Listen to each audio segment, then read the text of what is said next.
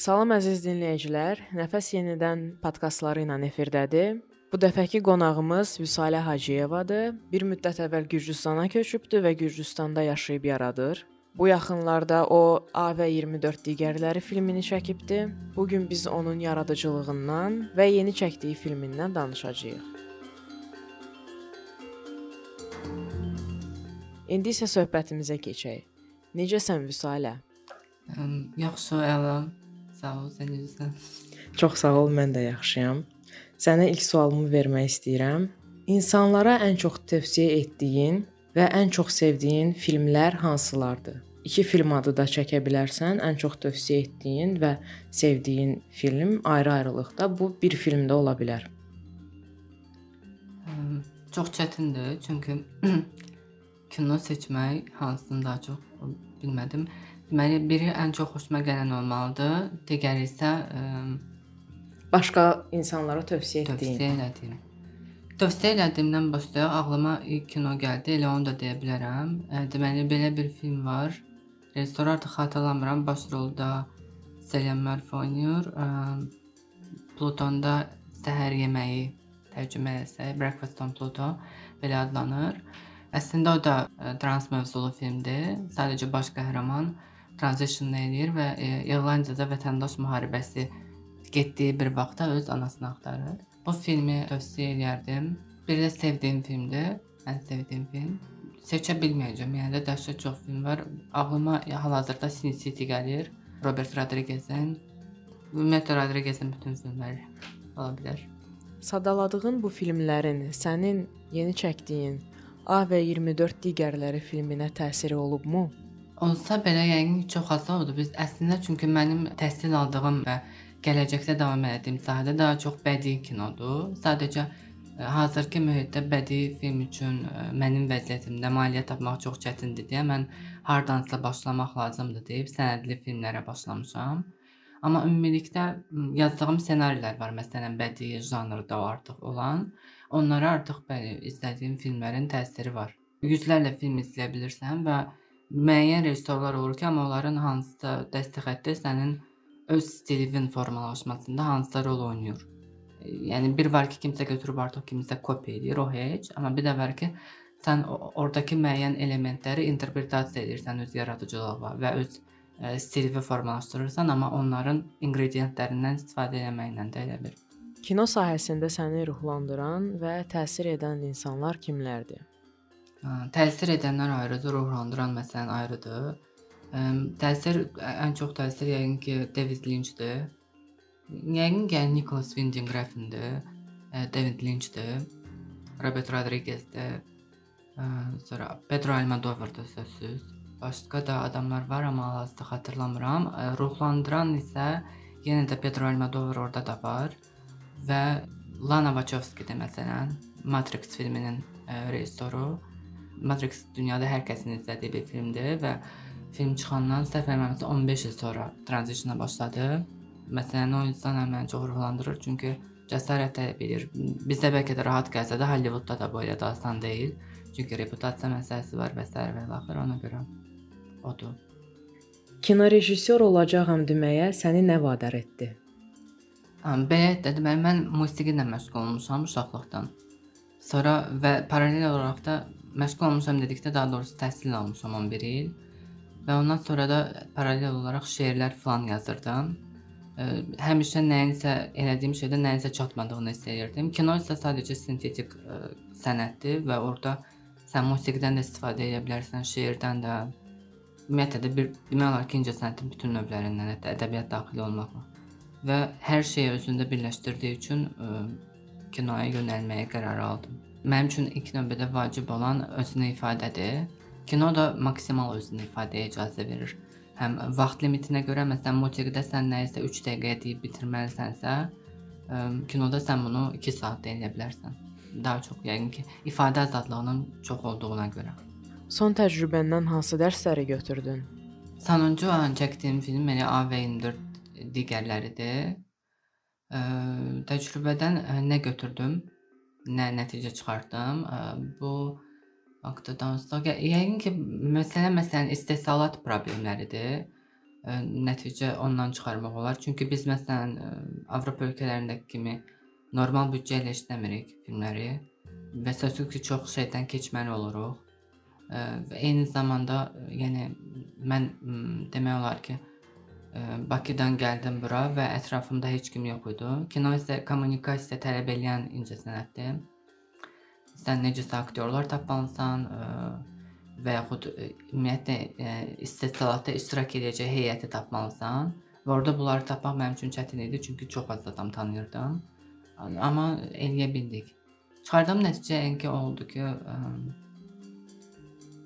əslində nəticə deməzdim, çünki bu mənim problemim deyil, nə də nə bilim Azərbaycanda olan digər rejissorların problemi deyil. Ə, film normal ə, şərtlər altında çəkildikdə, ə, hansında ki, hamı, ə, yəni necə deyim, bütün istehsalatda iştirak edən insanlar qonorar alır və s. və ilaxır. Elə də işlər daha rahat olur. Yəqin ki, bu barədədir. Mövzunun özünün yükü var idi və orada iştirak edən insanların da bir çoxu elə e, queer idi. Ona görə məsələn ə, e, səs aktyorlarının da hamısı queer idi və bu bu şeyləri bizə məsəl üçün oxumaq daimi və bu haqqda danışmaq ə, e, sözsüz ki, ağırdı.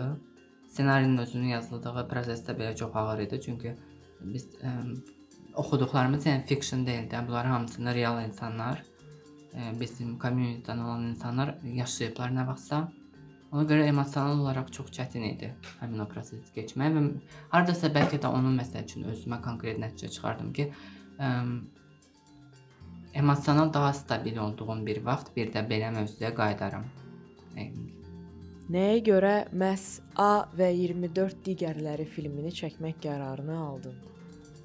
Bunun ə, deməli bir neçə səbəbi var. Əsas birinci odur ki, ə, mənə məsələn çox ə, qayğılandıran məsələ odur ki, bura mən gələndən bəri mən hansısa insanlarla görüşürəm və ə, daima soruşurlar ki, məsələn sizdə vəziyyət necədir? Yəni necə survive edirsiniz və s. və mən orada danışanda məsələn 2017-də belə şeylər olub, insanların fərqi yoxdur, gürcülər olsun, avropalılar olsun, onlar ə, bu haqqda heç bir məlumatda deyillər Və mən bir müddətdən sonra artıq bu adamı biraz ə, düşündürməyə başlayır ki, niyə görə belədir? Çünki ə, regionda istənilən ölkədə bu masштabda hadisə olsaydı, yəqin ki, hamı bu haqda eşitmiş olardı. Yəni səbəblərdən biri bu idi məsələn. Çünki kino imkan verir insanlara ki, insanlara ki, onlar hər hansısa mövzu haqda konkret e, informasiya alsınlar və informasiya 100% yaddan çıxmayacaq. Filmin hansısa səhnəsi belə yaddan çıxsa, baxan hamının yadında qalacaq ki, Azərbaycanda məsələn belə bir şey olub. Hər hansı maneə və ya risklər var idi? Maneə və risklər var idi. Sözsüz və məsələn ə, orada epizodlardan birində biz Stokarın binasını çəkməyi düşünürdük. Düşünmürdük, çəkmişik artıq. Və həmin çəkiliş olan müddətdə biz çəkiliş planında olan hissəni çəkib qurtardıqdan sonra mühafizəçilər bizə yaxınlaşdılar hansılar ki, elə Azərbaycanlı idi, səhv eləmirəmsə və ə, çəkilişə mane olmağa çalışdılar. Ə, e, kameranı almaq istədilər. Yəni çəkiliş icazəsi olmasına rəğmən, yəni ə, e, imkan vermədilər ə, orada, amma biz artıq çəkilişi bitirmişdik. Ona görə də ən bəs yerə, yəni güc sərf eləmiş oldular. Post production və production müddətində hansı hissləri keçirirdin? Production müddəti məndə həmişə çətin olur. Əvvəlkilərdə də çətin idi, çünki çətin şərtlərdə işləyirik. O səbəbdən məsələn e, normalda e, rejissor productionda sadəcə olaraq çəkiliş günlərinə gəlir və digər heç bir şey eləmir. Azərbaycanda isə belədir ki, e, sən bütün işləri həm də özün görməli olursan. Ona görə yorucu prosesdir. Post production artıq hər şey rahatdır, çünki material əlindədir və e, yəni notebookla sən səndə istədiyin artıq hər şey edə bilərsən. Azərbaycanda yox, Azərbaycanlı olan üçün. Azərbaycanlı olanlar üçün. Bu filmə aid olan vermədiyim hansı sualı verməli idim? Paylaşımlar olanda film haqqında ən çox ə, e, yayımlanma tarixi barədə suallar olur. Ə, e, dinləyənlərə burdan bildirək onu. Yayım tarixi konkret tarix kimi məlum olmasa da, deməli bir neçə çünki festivallara göndərilib və əsas ə, e, LGBT topikli festivallardır, kino festivalları və hamısının bitmə tarixi yanvara qədərdir və yəqin ki, yanvardan sonra ə, deməli internetə yerləşdiriləcək hər hansısa platformaya. Çox güman ki, bu YouTube olmayacaq, ola bilər Vimeo-da və s. olsun. Və eyni zamanda ə, qapalı nümayişlər də nəzərdə tutmuşuq, amma vaxtların dəqiq olmadığına görə hal-hazırda bildirə bilməyəcəyik. Filmdə demədiyin, amma ki, insanların bilməli olduğu nəsə varmı? Ya da ki, cəmiyyətdən istədiyin bir şey varmı? Məhv olmaları.